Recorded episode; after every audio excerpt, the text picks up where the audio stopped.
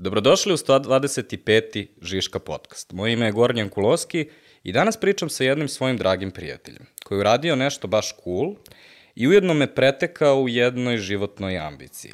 Ivana Minića znate kao autora Pojačalo podcasta, a ako ste iz industrije, onda ga znate kao kolegu, podizvođača, konkurenta i prijatelja. A ako ste malo stariji, onda ga znate kao dobrog duha svake digital konferencije. Ako ste mnogo stariji, onda ga znate kao osnivača Burek foruma. Ivan je sklon raznim eksperimentima, a njegov poslednji je bio da na, napiše knjigu. Ali u roku od samo tri dana. I tako to ide sa njim. Um, javi se, krene nešto mrmlja sebi u bradu da je smislio. I onda bam, za nelju dana samo dobiješ neki Google dokument odjednom, koji ima 70 stranica gde on nešto tamo bušio i radio. I onda se sutra uloguješ u taj dokument i on jednom ima 140 stranica i odjednom knjiga je živa. Ja sam imao tu čast da pogledam taj Google dokument u nastajanju i zato sam danas pozvao Ivana da pričamo o njegovoj knjizi. Ne baš jednostavan, ali veoma dobar čovek. Ivan Minić. Vi slušate Šiško podcast. Hvala na lepoj najavi. Ovaj, mislim, e, mnogo je čudno kad daš takav neki retardirani naziv za, za knjigu. Međutim, naziv je u suštini potpis koji sam ja stavio u mail pre jedno mesec dana, jer sam skapirao da me užasno smara da sedim i da prepravljam svaki put kad ono osnujem neku novu firmu, pokrenem neki projekat, nešto da prepravljam potpis u mailu i da ima previše linkova i da to izgleda užasno na telefonima i da ono kad ljudima kažeš da si founder et pa pet, šest stvari, to je stvarno strašno. Ja sam rekao, ok, ne, ne, nema ništa od toga, ima potpis koji ono, ima telefon, mail i stranica na kojoj je kratka biografija i te stvari. Ali kao, ne mogu ja sebi da stavim titulu, mnogo je glupo da stavim neku titulu, jer kao imam previše različitih stvari koje radim, treba nešto bude univerzalno, ja stavim neki citat, kao šta da stavim kao citat i onda sam u suštini ono, adaptirao, promenio citat jedne prijateljice kojom je ona pokušala mene da opiše, koji je vrlo blizak tome, ali nije, nije baš takav. I kad sam počeo da šaljem ljudima mailu, ja sam mislio da potpise u mailovima niko ne čita. Mislim, pošto ono, generalno mailove niko ne čita, pa samim tim verovatno ni potpise. A onda mi se desilo da u recimo, ne znam, narednih 7-8 dana, pa sigurno 30 ljudi mi replyuje na mail samo da bi mi reklo da je potpis jako cool i da sam to baš ja. I onda kad su mi to rekli, kad mi je sinula ta ideja za knjigu, ovaj, razmišljao sam kako da se zove, imao sam razne neke ideje i do kraja u principu nisam znao kako će da se zove, ali kad sam otprilike završio to što, što sam mislio da, da treba da bude, kažemo, pun obim knjige, što na kraju i jeste, nisam ništa dopisivo značajno niti menjao, ovaj, nekako mi je leglo. I ajde da probamo da vidimo šta će da se desi. Znači, bukvalno je eksperiment. Kako si uopšte došao na ideju da napišeš knjigu?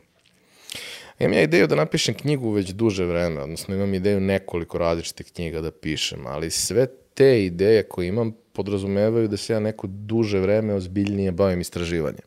Ali ozbiljnim istraživanjem, ne ono kao, znaš, nas postavit ću anketu pa kao ajde vidimo šta. Ne, ne, neko stvarno da kažemo vrlo blisko naučnom radu. Što je u ovom trenutku nerealno da se desi. Znači jednostavno uz ovu količinu posla i svega, to je projekat koji bi trajao nekoliko godina, neće se desiti sada. Možda za par godina, možda nikad, u tom obliku, ali neće se desiti sada.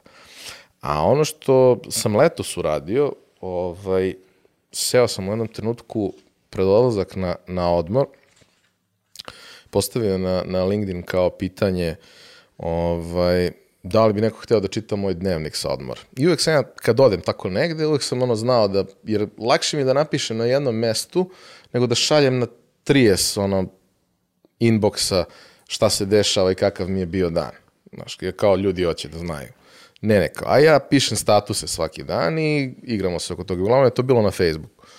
Nekad bi je bilo na Instagramu i tako dalje. I onda sam skapirao da a, mene zapravo taj kraj dana na odmoru ili Ja to ne zovem odmor, ja to kažem idem na more, ne, ne idem na odmor, ja radim na tome, ali sam na moru. Da mene zapravo to kao pisanje na kraju dana jako smiruje. Da me to baš onako lepo uvede tamo gde treba da budem, da bi se naspavao kako treba, da bi se iskulirao, odmorio, spusti me, spusti mi glavu tamo gde treba da bude. I kao, ajde pišem dnevnik, ali da to ne bude šta se meni dešavalo na moru, jer kad sam išao, ne znam, ono, Kuba, Meksiko, to je interesantno, ljudima pišeš jer su čudne stvari, ne, ne dešavaju se baš svako. Dobro, ove godine su svi otišli u Meksiko, ali recimo pre dve nisu svi bili u Meksiku i nisu svi zamalo ostali u Meksiku tokom korone, pa je bilo interesantnije. A ovaj, taj neki dnevnik bi bio dnevnik razmišljanja. I napisao sam nekih desetak tekstova, koji su kratke priče, vrlo slične po formatu onome što je završilo u knjizi, ali sa nekim, sa nekom, ono, zajedničkom niti koja je za nivo od 10 tekstova. Neko moje razmišljanje o životu, poslu, nekim stvarima koje su tu povezane. I već duže vreme kad sam ono umoran, kad mi je mozak samleven od, od različitih obaveza, jer to je u suštini ono što me najviše umara, taj ono multitasking, jel? Ovaj, volim da se iskuliram tako što ću da sedem da nešto napišem. I često sam pisao stručne tekstove u takvom stanju da, ono, ja ujutro pročitam, ja se ne sećam da sam to napisao, ali nije loše. Znaš, to što ja pročitam na kraju ispadne da zapravo nije loše. I kao, možda je to neki proces, ok, ne treba sebe da dovodim u stanje da sam iscrpljen i da se ne sećam šta sam pisao, ali ono, nije loše da se time povremeno bavim, da sebi zacrtam to kao obavezu da nešto redovno pišem. I na nekih mesec dana od uh, konferencije uh, konverzija na kojoj je trebalo da pričam o storytellingu i pričao sam o storytellingu, ok, ovaj, skapirao sam jednu stvar, a to je da sam ja napisao gomilu tih nekih kratkih formata. Ono, tih priča koje su na nivou jedne i po A4 strane, napisao sam i neke duže tekstove i neke jako duge tekstove, ali uglavnom je to, to neke kratke priče koje su jako panči, ljudima se sviđaju i sve to okej. Okay. A ti kad uzmeš i pohvataš sve te linkove, ima ih jedno brat bratu 400, ovaj, ne postoji ništa što ih povezuje, osim činjenice da sam ih ja napisao da postoji neki sličan stil tu. Nema, nemaju ništa zajedničko. Nećeš naći osobu kojoj će biti sve interesantne. Ok, šta god da pišeš, neće naći osobu da su sve interesantne, ali kao i mesec dana pred konverziju sam razmišljao, ok, možda bi ja mogao da napišem nešto o storytellingu. Zato što pre dve i po godine kad smo se dogovorili za tadašnju konverziju koja se nije desila zbog korone i prošlogodišnja se isto nije desila zbog korone, kad smo se dogovorili da ću doći, um, taj neki radni naziv predavanja, odnosno naziv blog posta koji sam objavio kao intro za predavanje je bio vodič za storytelling, uh, vodič kroz storytelling za introverte. Za netalentovane introverte. I tu sam prvi put m, napisao negde javno i objavio da mi je Keva pisala pismene u osnovnoj školi do negde, ne znam, petog, šestog razreda. Nakon toga sam počeo ja da ih pišem, počeo da dobijam dobre ocene i počeo da osvajam neke nagrade na takmičenjima. A do tog trenutka sam mislio da ja ne znam da pišem. Sve ostalo, bio sam Vukovac, sve super, ali, brate, kad treba da se piše sastav, ja to ne umem. Ti si inače treća osoba koju znam za to. Goran Mirković. Da, da, da, on je isto, da, njemu su rekli da... I meni je baba pisala. Da, da, to, mislim, zapravo, znaš, uh, ja se sećam tog perioda prilično dobro i e, nisam ja u tom smislu bio uopšte jedinstven. Glavna tema dobrog dela roditelja je bila da saznaju koja će tema biti i mislim ono, učiteljica nikad nije htela i kasnije profesori nikad nisu hteli da dobri đaci imaju problem zbog pismenog. Pa onda kažu šta će otprilike da bude, pa se ti otprilike pripremiš i onda to kao bude okej. Okay. Međutim, fora je što ono, sve vreme nas uče da, da je to kao pisanje, da to ima neku svoju striktnu formu, kako to mora da izgleda. Znaš, kao to, to mora da ima uvod, razlada, zaključak, ok, mislim, slažem se, ali uh, ne mora, možeš ti to da kažeš i svojim rečima, možeš ti to da ispričaš na svoj način. Možda neće svakom da se svidi. Znači, najbolji pismeni koji sam napisao u životu je bila, dobio sam dvojku. Zato što moja profesorka srpskog u srednjoj školi nije razumela da na temu sve što želim u ovom trenutku, kada je 40 stepeni, ja pišem tri strane o tome kako samo želim jedno hladno pivo i celu istoriju piva i zašto ja želim to pivo. Kao, to je neozbiljno, to je, to je, to je kretenski. Nije, brate, stvar, ali stvarno u tom trenutku samo to želim.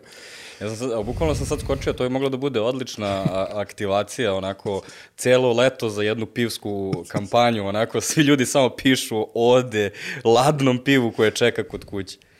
Znaš, kao prosto, ono, lokacija te učionice je bila na vrhu nekog tornja, nije naravno bilo klimatizacije ili bilo čega, imao si ogroman niz prozora koji samo prave efekt staklene bašti, unutra je 80 stepeni još posljednji sprat je ispod krovas i tako da je 90 stepeni. I ja stojim pored onog prozora, odnosno sedim i pišem i kao, brate, ja sam to želim. I pišem celu istoriju o pivu, o sumerima, o svemu tome, koje vrste postoje. Kao, znaš, ti si promašio temu. Brate, kako možda se promaši temu, otkud ti znaš šta ja želim? Ali dobro, to je, nisam imao sjajne odnose sa tom Objasnio si zašto si napisao knjigu. Ove, ovaj, Luka Pević te pita da li ćeš od sada isključivo doručavaš u klubu književnika. Sa kolegom Pejovićem vrlo rado, pošto je njemu to blizu posla. A ovaj, ono što nisi objasnio je e, zašto tri dana? Pa, znaš šta, ja, uh, mislim, nije bilo to sad striktno da mora bude tri dana ali je bila ideja da bude oročeno na neki kratak rok iz prostog razloga što je cilj bio da se knjiga izda, odnosno objavi, odnosno oštampa za manje od mesec dana. I ja onog trenutka kad sam imao rukopis kojim sam ja bio zadovoljan, što je u suštini bila prva verzija rukopisa, na, nakon feedbacka vas nekoliko da nije užasno, ovaj, ja sam zvao odmah štampare da vidim kakva je situacija sa tim, koliko se čeka, koji je neki najkasniji rok, kada ja mogu da im dostavim finalni prelom, a da to bude gotovo za kraj meseca. I oni su mi rekli koji je rok. Ja sam imao nekih 15 dana da uradimo kompletnu lekturu. Mislim, nije sad to ne znam koliko obimno, ali jeste posao, treba dva puta proći kroz to sve. Da uradim ilustracije, da uradimo prelom, da uradimo uh, kavere i sve ostalo i uh, Naravno da, da nije bilo mojih prijatelja, to se nikad ne bi desilo, ali iz, iz nekog razloga oni su shvatili da je meni to važno, pa i njima postalo važno, pa se sve to desilo na vreme, a i divni ljudi iz štamparije su nam stvarno pomogli, jer kao radili smo svašta, radili smo prelome za gomilu stvara, proto nikad nismo radili knjigu, i ima nekih specifičnosti tu, hajde da, da vidimo šta i kako, i onda je to negde bila bila ideja. Zato je moralo da se desi u nekom kratkom roku. Mislim da je bio duži rok, možda bi bilo drugačije. Nisam siguran da bi bilo toliko iskreno. Da sam ja imao vremena da to prepravljam i poliram i tako dalje. Neke stvari koje su autentične, iskrene i možda nose vrednost, eh, bi možda završile van knjige. Jer, znaš, bilo je momenta kad sam ja, eh, nakon što je već bilo kasno, prolazio kroz neke delove teksta da proverim neke slovne greške koje mi jave da, da su tu, pa da vidim da li jesu i tako dalje u tom finalnom sređivanju preloma. Ja pročitam šta sam napisao i kao, ok, da li ja stvarno ovo želim da podelim sa svima? Ali na kraju dana, mislim, ja sam manje više sve što sam u životu radio podelio sa svima. Vrlo sam javan u, u, u domenu svih lepih i onih glupih stvari koje sam u životu radio i nemam neki problem, ja sam okej sa sobom, ja sam zadovoljan, ti mi, znaš, kao, jedino, jedini problem koji sam imao sa ovim je što ja ne mogu objektivno da ocenim da li to ima neku vrednost, da li je to interesantno. Zato sam iscimo vas par koji, ono, možete da mi kažete da li to ima nekog smisla. Ja nemam nikakvo očekivanje od ove knjige. Mislim, kao, ja sam to napisao zato što je izašlo iz mene. To se desilo tako što sam ja u subotu veče nakon basketa došao i kao, ajde, hoću napišem nešto. Bila ideja napišem e-book, ono da ga podelimo besplatno na, na, na konferenciji. jer sad svi imaju e-book ili kurs ili kurs o e-bookovima, nešto tako. To mi je negde bilo i webinar možda da napravimo kursu. Jel da te za jezik ili? Ne, nekako imam potrebu da, da to ovaj, ne, nešto uradim, da, da imam neki možda kurs o pravljenju Kurseva. e-bookova o podcastima, recimo, ili nešto slično. Ovaj, I uh, ja sam došao s, ono, s utorkom, četvrtkom i subotom igramo basket i to mi je ono terapija. I oko 9 sam stigao kući u subotu i krenuo da piše. Bez neke jasne ideje, ajde samo neke kratke pričice, kako mi se to čini da, da ima smisla. I do ponoći sam napisao nekih 17 ili tako nešto, A4 strana.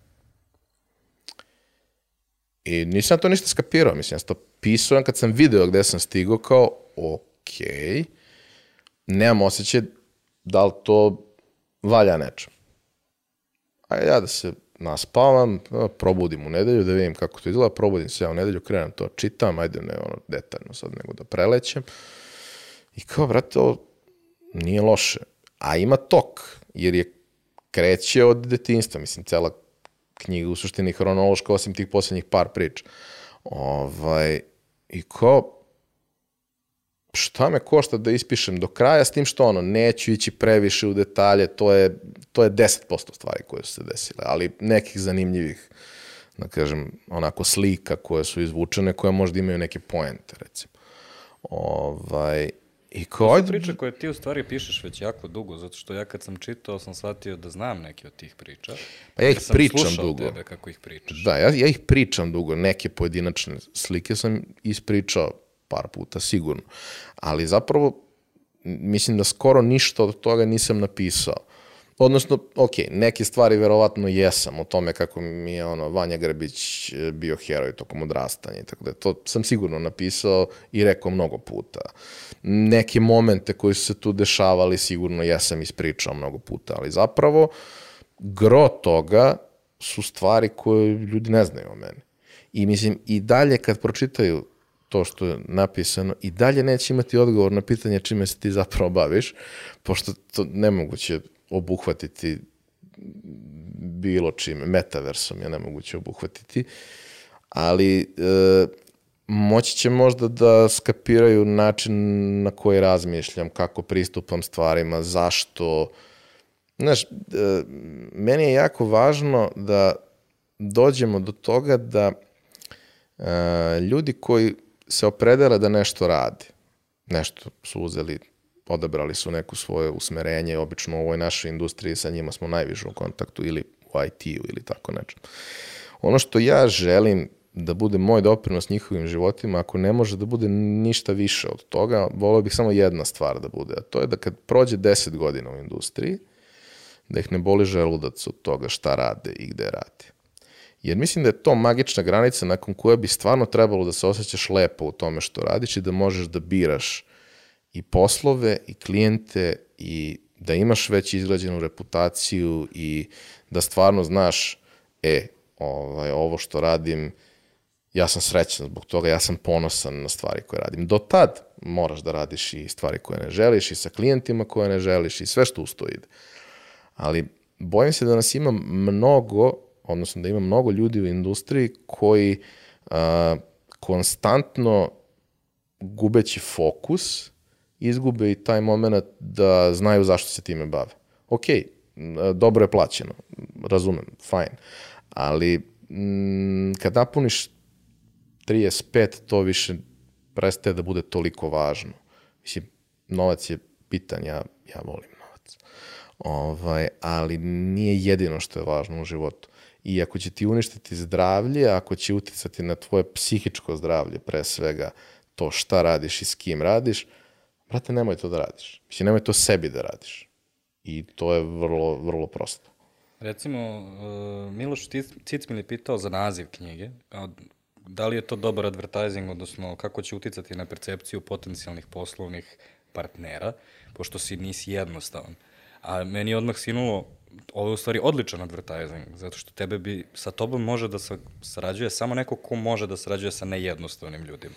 Pa ne, znaš šta, ja, ja nikad nisam imao problem sa, mislim ne nikad, ali poslednjih pet godina recimo, nisam imao problem sa klijentima u, u tom nekom klasičnom smislu. Prvo, ono, gro ljudi koji mene zovu, zovu me u trenutku kada je sve otišlo dođevala i neko treba to da sredi. Ti ljudi ne postavljaju pitanja. Nikad. Ni oko čega. Posebno oko para. To je lepo. A ovo ostalo, a, nisam ja nužno preterano komplikovan. Ja sam zapravo vrlo razumljiv i lak za saradnju ukoliko se vrednostno slažem. Ukoliko se vrednostno ne slažemo, ta saradnja je nemoguća, jer ja jednostavno ono, biram da ne radim neke stvari. Mogu to da sebi priuštim. I to je ono što, što, što je point. Ali e, ljudi koji mene ocene kao ne baš jednostavnog, e, su najčešće oni koji nikada nisu radili u nekom sistemu i strukturi gde se otvoreno priča o stvarima. Znaš, najveća vrednost uh, male firme koju sam napravio, kojoj pišem, između ostalog, mislim, napravio sam ih dosta, ali ove koja mi je centralna, koja je nazovi marketinška agencija, pre svega za interne, onda i za potrebe nekih klijenata, najveća vrednost te firme je u tome, prvo što smo svi mi međusobno prijatelji, drugo što mi svi možemo apsolutno otvoreno o svemu da pričamo jedni sa drugima i tu smo zaista jedni za drugi. Ne postoji da ću ja nekome nešto da proćutim, da neko meni treba nešto da prećutim, mi apsolutno 100% možemo da se oslonimo jedni na drugi.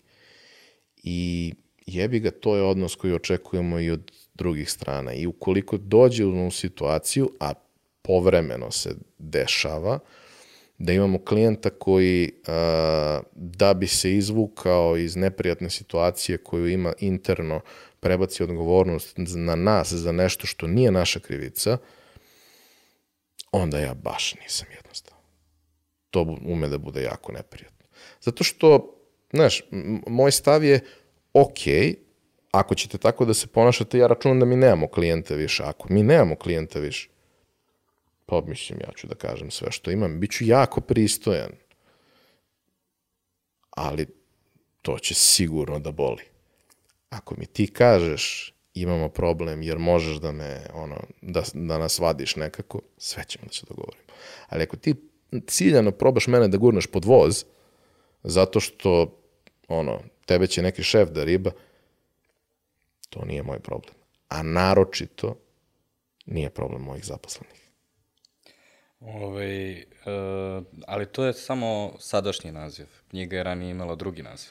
E, ne znam koji je naziv imala. Mislim, me, menjalo se nekoliko puta. Zaboravio si šta je bilo na Google. Nemam pojma. Ove, ovaj, dobro, a druga stvar koja zanima ljude su, je soundtrack. A, da. Svako poglavlje ima jednu svoju pesmu koja, koja ga prati, ili tako? Da, ovaj, mislim... Jel to došlo, ono, kako si došao do toga? Je to bilo onako, instinktivno ti je došlo samo da iz rukava za svako poglavlje ili si ono studiozno birao Jedna od stvari koju ja radim, mislim, zato, zato je knjiga i koncipirana na taj način i na kaveru je ono pogled sa zadnjeg sedišta kroz šofer šajbnu i to sve, je mene, osim što me smiruje kad pišem, smiruje me jako kad vozim. I obično kad vozim noću.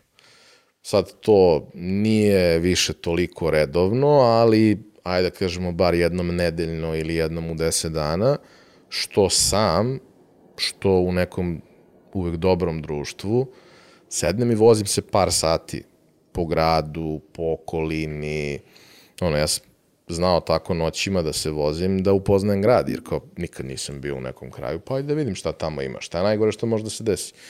Ima raznih loših stvari koje mogu da se dese, naročito ovaj, pošto u našem gradu ima dosta eksera po putu i tako dalje, i kad se to desi u dva ujutru nije baš prijatno, ali više ne idem tako kasno, ali ono što, što, što volim je da ono, volim jako svoj auto, voleo sam i prethodni, jako volim ono, kolekciju muzike koja mi je uvek pripremljena u kolima ili na telefonu ili nekada na SD kartici ili kako god.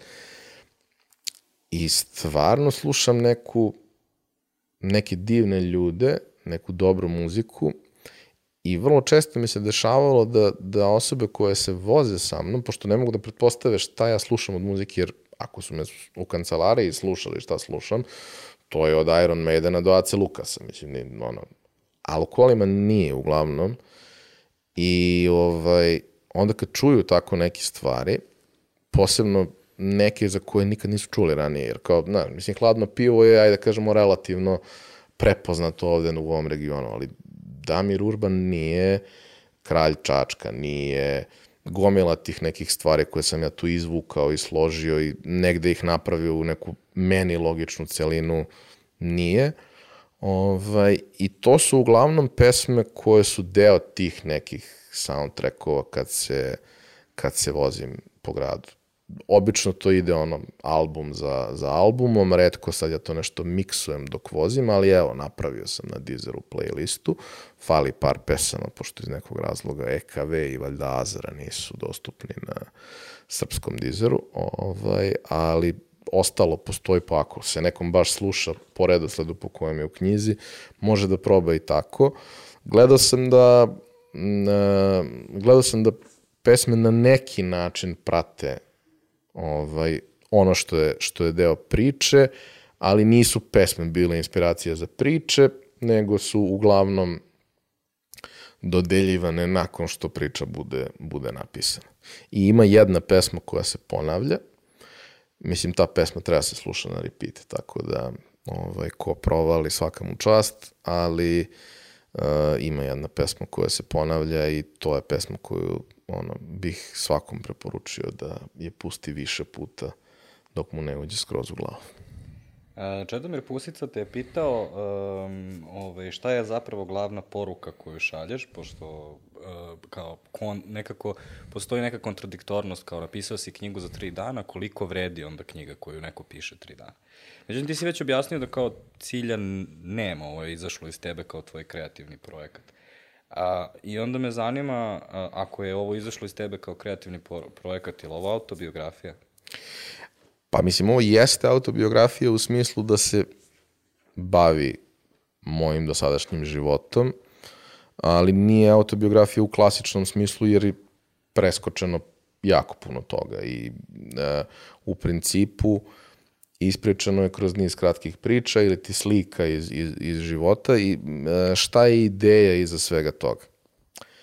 A,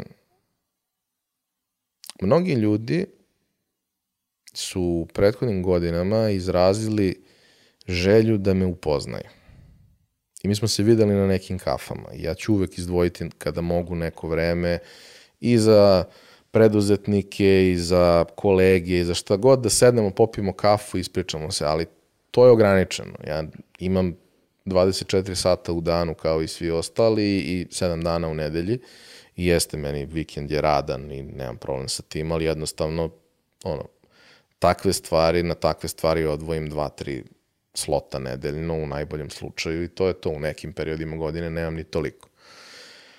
A e, zapravo ja nikad nisam pričao o tome šta radim, kako, je, kako su neke stvari nastale, zašto baš tako, odakle meni pravo da na neke teme pričam, čime se uopšte bavim, a da kažem opet i dalje niko neće moći da zaključiš od čega ja zapravo živim, jel?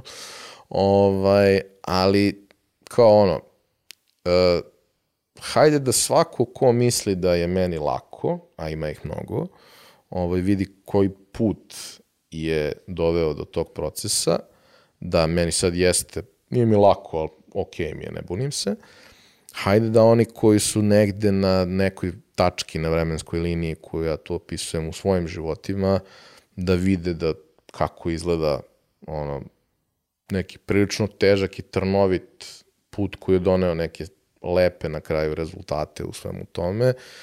Hajde da neko ko ne razume sebe, malo bolje razume sebe, jer meni je trebalo mnogo vremena i godina da počnem sebe da razumem, zašto na neke stvari reagujem na način na koji reagujem, zašto mi je neprijatno pred ljudima, zašto imam problem sa javnim nastupom, iako to kao danas niko ne može da provali. Ne može da provali da što sam pričao 400 puta pred ljudima i više mi ništa nije problem. Znači, izvedi me pred arenu i ja ću da ispričam šta imam da ispričam. Više ništa nije bitno.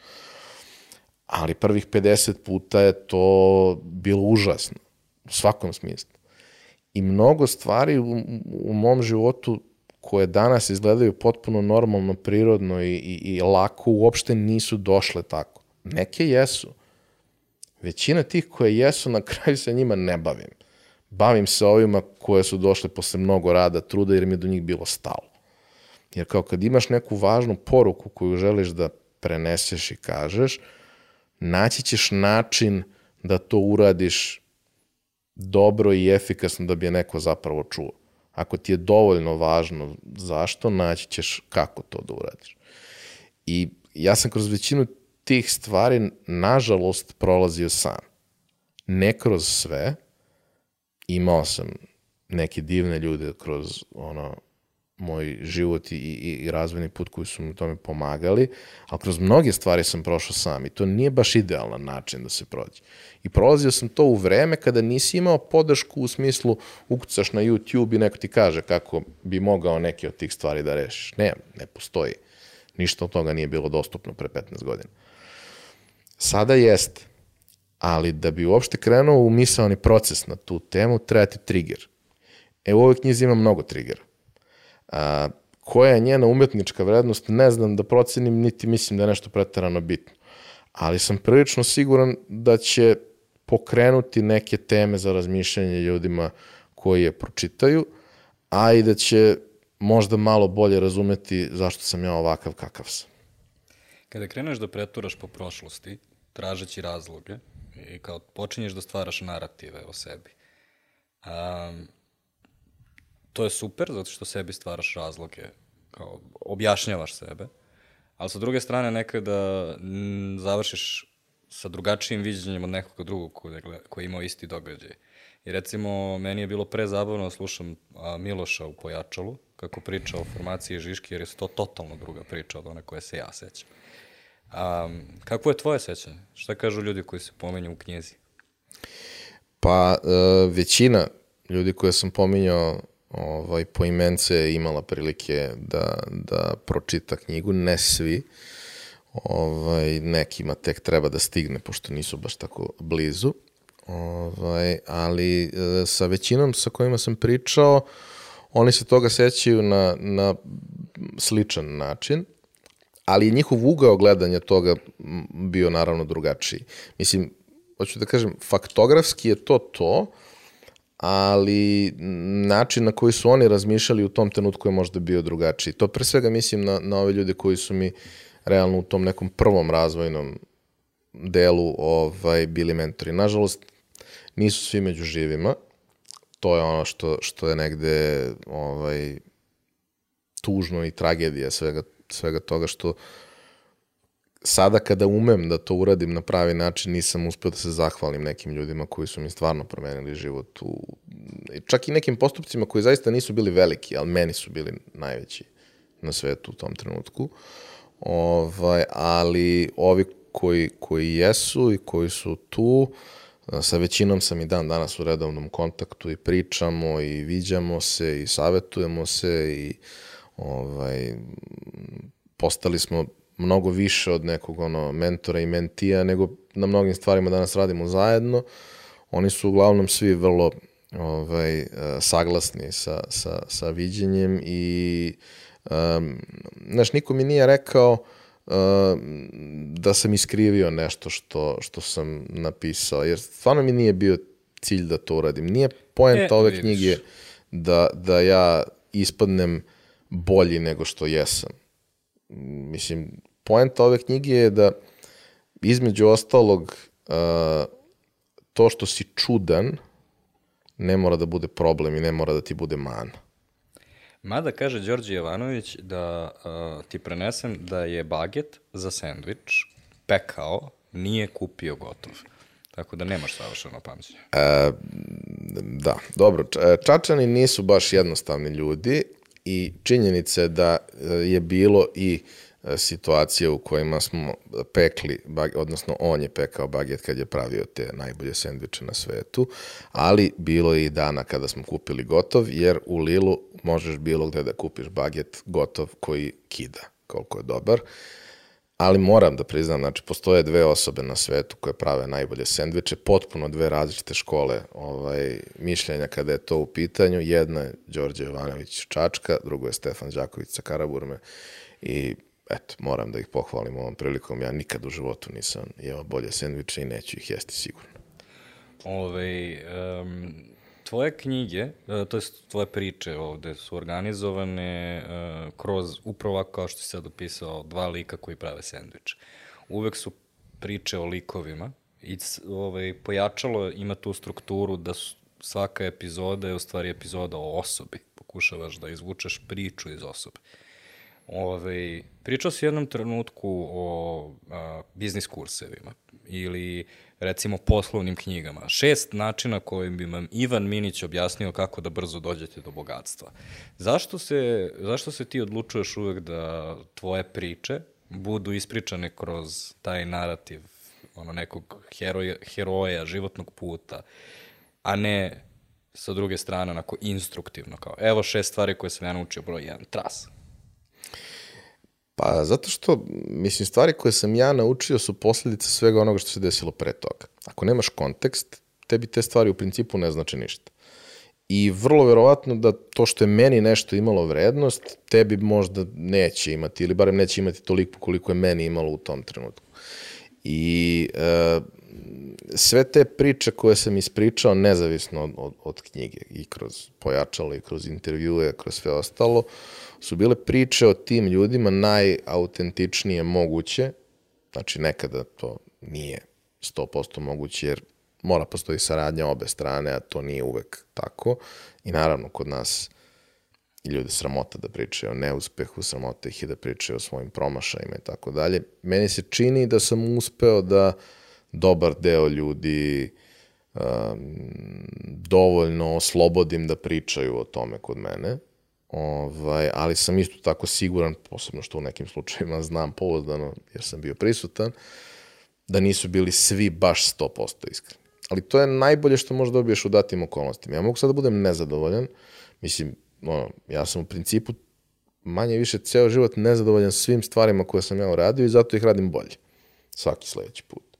I to je način na koji funkcionišem. Naporan je do zla Boga, jer u principu nikad nisi srećan, ovaj, ali je odličan zato što te tera da u narednoj iteraciji budeš, budeš bolji.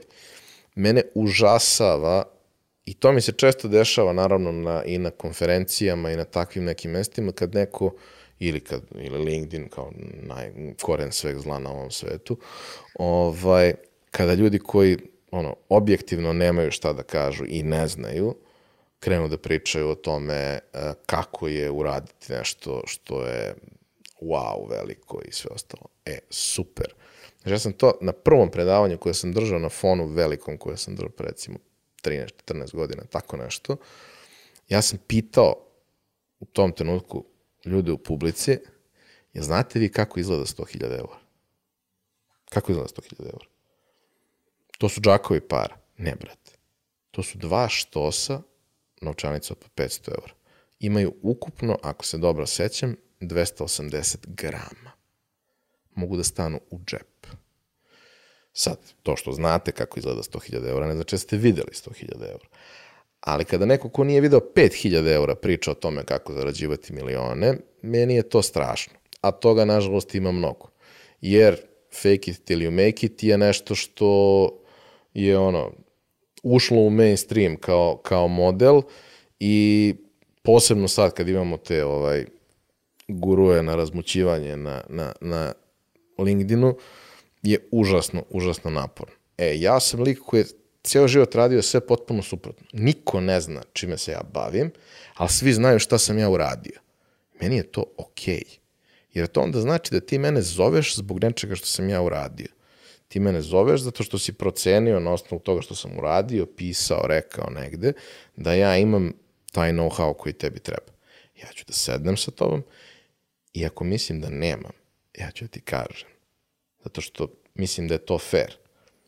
I ako mislim da neko zna bolje, ja ću da ti preporučim tog nekog, daću ti ja kontakt, ja ću da te najavim i ne treba ništa mi platiš za to. Zato što život funkcioniše na taj način, što jedni druge podržavamo u onome u čemu smo dobri. Ja nisam najbolji u svemu. Ja jesam neko koga zanima jako širok spektar stvari, što znači da se dobro orijentišem u skoro svemu, ali to ne znači da sam fantastičan u, u, u nekoj pojedinačnoj temi. Nekim jesam, jer me zanimaju. Ovim ostalim, ima ljudi koji su bolji. Ali meni moje znanje omogućava da procenim da su oni dobri. Da procenim da su autentični, da to što pričaju zaista ima vrednost i težinu i to je ono negde što, što mislim, to je moj put, to, to je moj put. On je nestandardan i on apsolutno nema veze sa, sa ljudima koji su napravili u posljednje vreme nekakav proboj kroz društvene mreže sa, sa stvarima koje radi.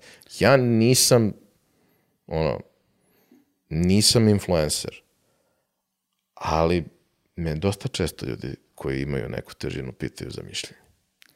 Ali čudan je trenutak da pišeš o svom putu, jer je on negde si, na, negde si u sred puta. Ovo je pola autobiografije u stvari. I onda te Goran Aristeski lepo pita da li da očekujemo kroz koju godinu nastavak ove knjige. Pa, znaš šta, uh, opet kažem, nije ovo autobiografija.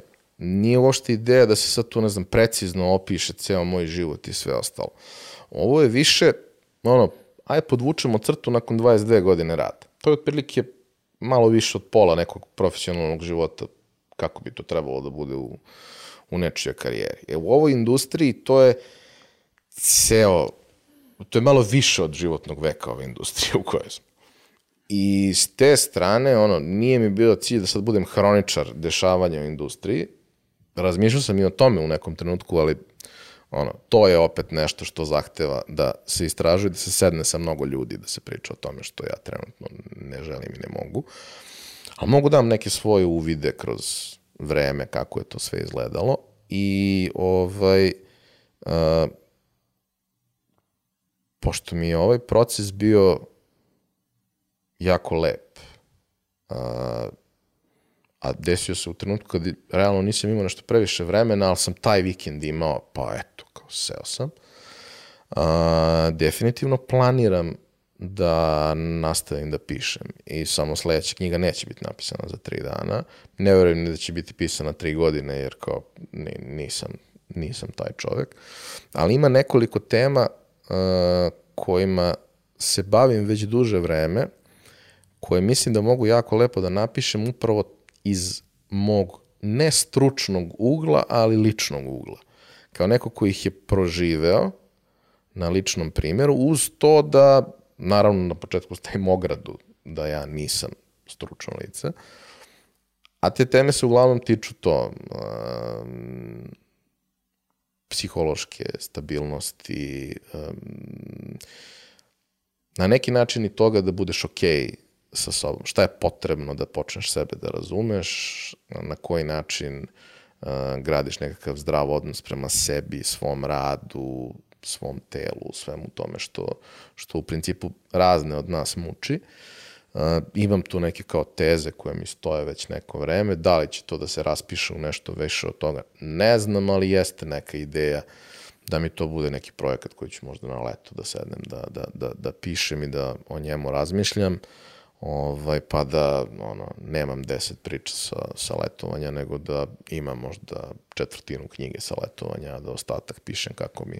kako mi padne na pamet. Ali e, bilo mi je važno, koliko god to glupo možda zvuči nekome sa strane ko nikada nije prolazio kroz takvu vrstu procesa, bilo mi je važno da vidim da li mogu da uradim tu stvar od početka do kraja. Jer, mislim, ceo život se bavim time da stvari koje većina ljudi ne, ne uradi od početka do kraja, ne završi ih kako treba, ja ih završim. Ono, često i preko granice bola, ali ih završim, jer to smatram da treba da se završi. Nekada da se završi i stavi adakta, nekada da se završi pa da se ponovo uđe u ciklus. Ovaj, I tako je bilo i sa ovim. Bilo mi je negde važno da ono, to što sam počeo kompletiram. Mogao sam realno i da ga objavim kao LinkedIn serijal narednih, ne znam, godinu dana po jednu priču nedeljno ili tako nešto. Ali mi je leglo i u suštini ja tu knjigu nisam napisao da bih je prodavao. Ima da se kupi zato što ne mogu poklonim baš svakome knjigu kome sam hteo, ali sam poklonio mnogo više nego što ću prodati, jer prosto uopšte me taj deo ne zanima. Zanima me da nekim ljudima... Šta kaže Hrvatska carina? Da, Hrvatska carina ima jedan vrlo specifičan odnos prema mom autorskom radu i mislim da neko vreme neću ići u Hrvatsku. Ali dobro, mislim, iskoristio sam bio priliku na konferenciji kad sam već pomenuo Hrvatsku carinu i onda s kolegama iz Hrvatske bilo neprijatno, onda sam imao u prezentaciji jedan primer sa Sašom Đorđevićem, pa sam malo im vratio za to sve što se dešavalo i tako, mislim, taj odnos je bio divan. Naime, ko nije ispratio, većina koja me prati po Instagramu i LinkedInu zna, ja sam knjigu napisao sa ciljem da je odnesem na konverziju kao iznenađenje i da je podelim svim učesnicima. Što je 550 učesnika.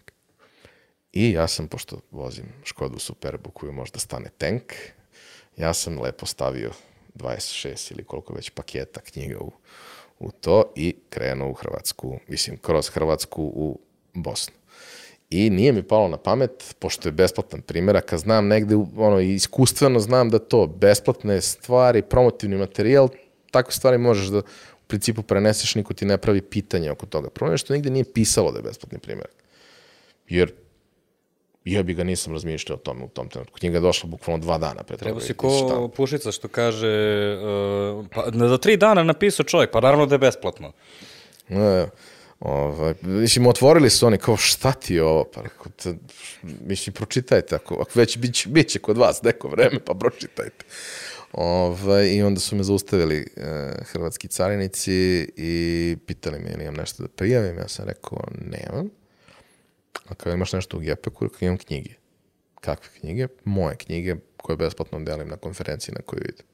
Aha, daj da pogledam. Kad su videli da ima 500 knjiga, onda su, uh, ajde vadi sve, ajde da pišemo, onda sam proveo tri i po sata u jednoj uh, ne tako prijatnoj prostoriji punoj migranata i nakon tri i po sata, taman kad je prošlo pet u petak, su mi dali rešenje u carinskom prekršaju po kome treba platim 1000 i po eura kazne i knjige se zadržavaju privremeno do Pazi, odlično ti čuči biografije, ono, ispod ono os- osnivač Krijumčari podcasta knjige, i nije krijumčar, nego švercer. švercer Švercer. knjiga, švercer knjiga, sobstvenih knjiga. Ove, ja sam pitao, a dobro, mislim, kako ste došli do cifre, ako mogu da, da znam i to se. Pa ne, ne, kao, to je zbog količine. Rekao, dobro, da je manja količina, šta manja bi bila cifra. Pošto je čovjek posle mene, ovaj, neki gospodin sa, sa Kosova koji je kupio nekih a, pet onih a, neonki, onih za kuhinju, što se ušafe u kuhinji, pet komada je kupio, vjerojatno u Lidlu ili tako nečemu. Njega su kaznili 750 eura za to. I ja kao, ok, odnosno 1000 eura, ali ako plati odmah, onda 750. Tako su i mene kaznili 1000 i po, ali ako platim odmah, onda je 1100. I dobro, a, ovaj, a ako ja nemam da platim, pa kao, šta da vam radim, možete tražiti nekom da vam pošalje kao Western Unionom ili ovaj, ono, druga opcija je ako nemate ili ne želite da platite, imate, imate drugu opciju. Druga opcija je pritvor. Kakav bre pritvor? Zašto pritvor? Pa kao pritvor do ponedeljka, pa ćemo da vidimo. Pa kao ja preko što treba da pričam pred, pred 500 ljudi o, o ovome i sad ja više nemam ovo i treba da improvizujem šta ću da pričam pred 500 ljudi. Dobro. Uglavnom, nakon tri i po sata ja sam platio tu kaznu, oni su mi uzeli knjige i ja sam značajno olakšano nastavio svoj put i put od Beograda do Banja Luke koji obično traje tri i po sata, meni je trajao 12 toga dana. Ali dobro, Ove, pogreši čovjek. Um, šta je plan sada? Kao, šta se dešava sada sa ovom knjigom i sa tobom? Po sa knjigom se ne dešava ništa posebno, ja neću nešto sa tom mnogo javljaju promovisati. Jel si dobio neki feedback? E, po, počeli su da se javljaju ljudi e, i oni kojima sam slao, nosio i oni koji su kupovali, počeli su da se javljaju. Ono, ne, ono, pretpostavljam ljudi imaju socijalnu inteligenciju, tako da ti uglavnom govore pozitivne stvari, ali zanima me šta je ono što nisi očekivao što ti ljudi govore? Pa nemam još uvek, mislim, nemam još uvek tu vrstu uh, feedbacka. Ono što mi je drago uh, je da su svi pročitali lako i brzo. Jer ona je pisana sa ciljem da se pročita lako i brzo. Takav je i način pisanja i n- nije pisano da te sad veže da ne možeš da je pustiš, Ni, nisam u tom fazonu, niti mislim da, da je ovako nešto bitno da tako uradiš, ali da ono, u dva, tri dana sa po pola sata, 45 minuta čitanja ti to možeš da pročitaš, a da ti ostane nešto u glavi. Dosta ljudi mi je reklo da im je knjiga baš legla i da je došla za njih u pravom trenutku. I te dve stvari su mi bitne, zaista bitne. Ovaj, neki su izdvojili recimo neke citate i tu se sad već poklapa par nekih citata koji su interesantni, koje ja zapravo nisam ni primetio kad sam ih pisao. Mislim, izašli su iz mene, ne, nisam ih ja negde izdvojio u glavi kao nešto što bi, što bi možda zapamtio. Ovaj, tako da s te strane jeste interesantno, naravno očekujem više feedbacka u, u narednom periodu ne mislim da će sav biti dobar, niti, niti je to na kraju dana važno. Znaš, ja, ja sam proveo prethodnih 22 godine pokušavajući da razumem sebe, da napravim nešto uh, što mislim da je vredno, ispravno i tako dalje i onoliko koliko mogu da popravim ovaj svet koji je užasno sjeban. I sad postoje razni načini. Ja sam u jednom periodu to popravljao čoveka po čoveka, pa to naporno, užasno. Sad malo kao nešto, malo popravljam čoveka po čoveka, a malo popravljam i to podcast, pa to sluša neki broj ljudi, pa možda, znaš, kao, ja nekako sve vreme to ponavljam, ljudi sa sličnim diagnozama se dobro razumeju i, i to sve. Mislim da su i moji slušalci manje više na sličan način oštećeni kao i autor. Ovaj, ali to je, to je velika misija iza svega, znaš, kao, da pomognem nekome, kome treba inspiracija, kome treba motivacija, kome treba usmerenje, kome treba savet, kome treba na neki način i, i, i još jedna jako važna stvar, a to je da shvati šta treba da pita. Jer nije problem, skupit ćeš ti možda hrabrosti da pitaš ako ti je bitno skupit ćeš hrabrosti da pitaš. Ali ako ne znaš šta, onda ne možeš da znaš nikoga. Znaš, pa kao, hajde da, da bar jednu od tih stvari ti pomognem da iskristališeš, pa oko druge ćeš se ili snaći ili ćeš se javiti, raspitati, nije bitno. Ali kao, da se pokreneš. Jer posebno ove dve godine koje su za nama su u svakom smislu bile devastirajuće za ljude. Psihički, finansijski, sve je stalo i dalje se nije pokrenulo, ono što se pokrenulo uglavnom nije dobro, to kao lavina kad se pokrene, pa to nije baš, ne, ne mora da se pokrene, može i da sačeka još malo. I ovo je ono, možda neki uh, svež vazduh, možda neki ono pokušaj da neke malo drugačije ideje ljudi vide. I jedna stvar koju, na kojoj ja stalno negde insistiram sa pojačalom, a to je, brate, da ljudi vide da, su ljudi, da je još neko prošao kroz to kroz što ti sad prolaziš iako je možda oštećen kroz taj proces, je preživeo to sve. Druga stvar, a vezana za nju i negde slogan pojačala i na neki način i knjige je, e, ako ste se opredelili za preduzetništvo, to znači da ste ludi. I u principu mi ne možemo da vam pomognemo, ne može niko da vam pomogne. Možda neka stručna lica, elektrošokovi, ne znam. Probao bih, ali možda je sad već kasno. Ali ono što je naš zadatak je da vam pokažemo da niste sami. Jer ako ste ludi i sami, to je baš zajebano. A ako ima još neko ko je sličan kao vi, onda bar možete to da podelite. Bar možete da nađete nekog ko vas razume. I onda je sve lakše. Onda sve može. Znaš, kao, kao kad imaš dva servera koje odvojeno rade nešto, ne staviš load balancer i onda sve bude u, u redu. E, tako i ovo. Ja pokušavam da na neki način kroz stvari koje radim uspostavim taj neki balans i kod sebe, a možda i kod nekih ljudi koji čitaju. Jedna od tvojih dijagnoza je kreativac.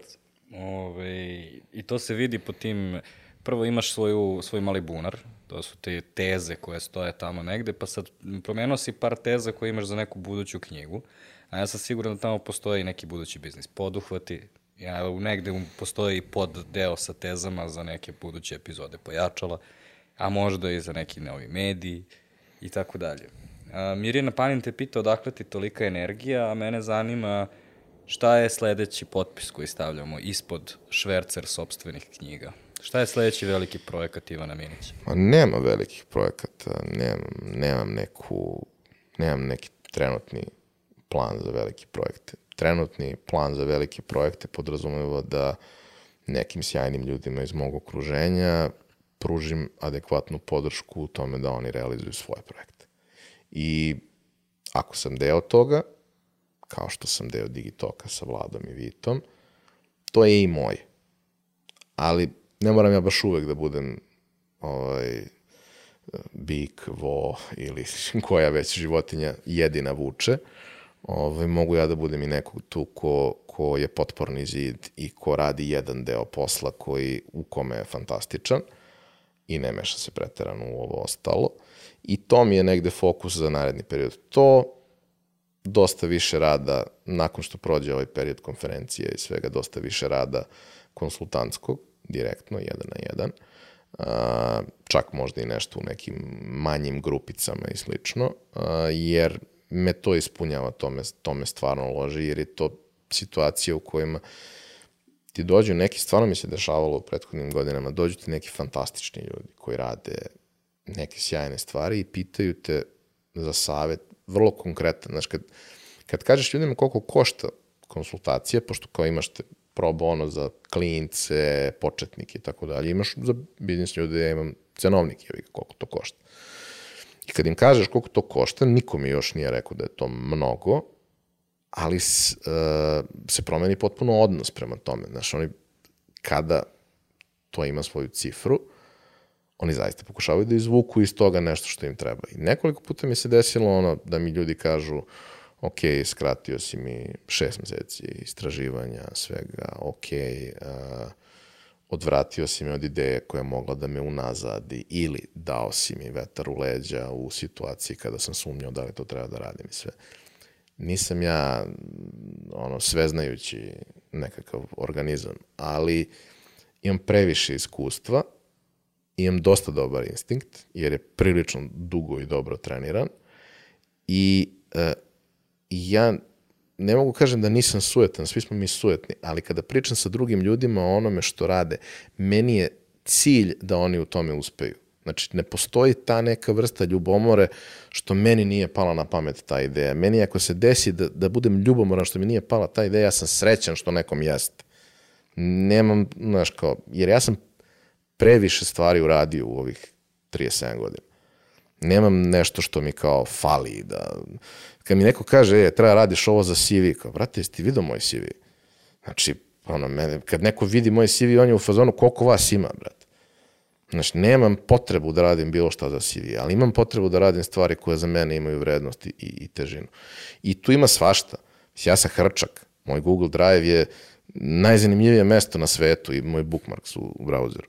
Znači, ja, ja bi tamo mogu da živim narednih pet godina i da nikad ne izađem odatle. Jer to je prosto način na koji ja sistematizujem informacije godinama unazad. I prosto, kad god imam višak slobodnog vremena, imam čime da se bavim. Pa će nekada da se izrodi nešto. Mislim, svašta tu postoji kao opcija. Ali ono što je mnogo važnije, barem meni, je što sam u ovih poslednjih deset godina, ako ne u onih prvih deset, ono u ovih poslednjih deset, a, upoznao jako puno ljudi, mislim puno, upoznao dovoljno ljudi sa kojima želim da radim te stvari. Sa kojima zaista želim da radim nešto. Sa kojima sam u fazonu šta god da smisliš, I'm in. Novac, znanje, vreme uopšte nije bitno. Zašto? Zato što želim to da radim sa tobom. I to je to. Ništa drugo nije važno. Kad neko ima u svom životu više od pet takvih ljudi, mislim, nemam ih sad beskonačno, ima ih sedam, osam Kad imaš više od pet takvih ljudi u svom životu, ti si jako bogat čovjek. I onda ne mora sve isključivo da se oslanja na tvoju nekakvu kreativu. Ja sam pre 20 godina kreativan na zahtev. To je iscrpljujuće. Mislim, dobre, ono, do, dobar deo tih stvari ja danas radim po automatizmu i obično ih radim dovoljno dobro da ljudi misle da sam ja nekakav genij. Nisam ja genij, ja sam samo video milion stvari i ti kad mi pošalješ upit, moj mozak izvuče iz baze nešto i dati. I razmišljao sam, pošto sam naravno overthinker kao i većina ljudi koji imaju slične dijagnoze, Vrati, ja sam o svemu tome već razmišljao pet puta. Ti kad me pitaš nešto, to je ono, pre dva meseca sam ja to prošao već. Sve scenarije. Evo ti, gotovo, sa, sa police. Tako da to je u principu, da kažemo, neki, neki, neko trenutno stanje stvari i nek, neki plan za budućnost. Da radim neke lepe stvari sa ljudima koje volim, da ove stvari koje trenutno imam, neke su u dobroj poziciji, neki su solidno i neki su u ne tako sjajnoj poziciji, e da se to sve stabilizuje, utegne, dovede u red i da ono, kad se pojavi neka ideja koja je super da se realizuje, kad nema ideje da ne postoji pritisak da sad mora da se desi nešto, ne mora se desi ništa, desilo se već ihahaj. Ovaj, ovaj tvoj mali govor, ovaj sa kraja, ovaj ću da isečem i kao onda ću stavim pored onih svih, znaš ono, smart planovi, ono, sm, uh, solutional, match, metricable, actionable i tako dalje. E, kao, nema plana, ali desit će se nešto i onda ćeš za dve nedelje se vratiš i kao, otvorio sam firmu novu za nedelju dana ili tako nešto ćeš da smisliš. Pa ne, znaš šta, uh, jedna stvar koju sam naučio je da uh, ako imaš neku ideju koja, ti, koja te stvarno zaokupira u, u nekom trenutku u vremenu, uh, a ja nisam čovjek koga je lako zaokupirati, znači ja nisam ono lik da mi proš, prošetaš nešto pred očima i ja sam sad tu odlepio za tim. Nisam, meni šagrepica ne radi. Možda neki biftek, ali šagrepica teško. Ovaj, ako nađeš nešto što te stvarno zaokupira, probaj. Probaj brzo, probaj jako, i ako failuješ, failuj jako, ali brzo. I okej, okay, idemo dalje. Uglavnom ne failujem, dešava se da failujem, uglavnom ne failujem zato što izvagam sve 300 puta, ali izvagam sve 300 puta u 7 dana. Znaš, ne dozvolim da se to sad razvuče na 5 godina, jer kao za 5 godina, prvo možda će još nekome pasti ta ideja na pamet, drugo za 5 godina možda mene više to neće ložiti toliko.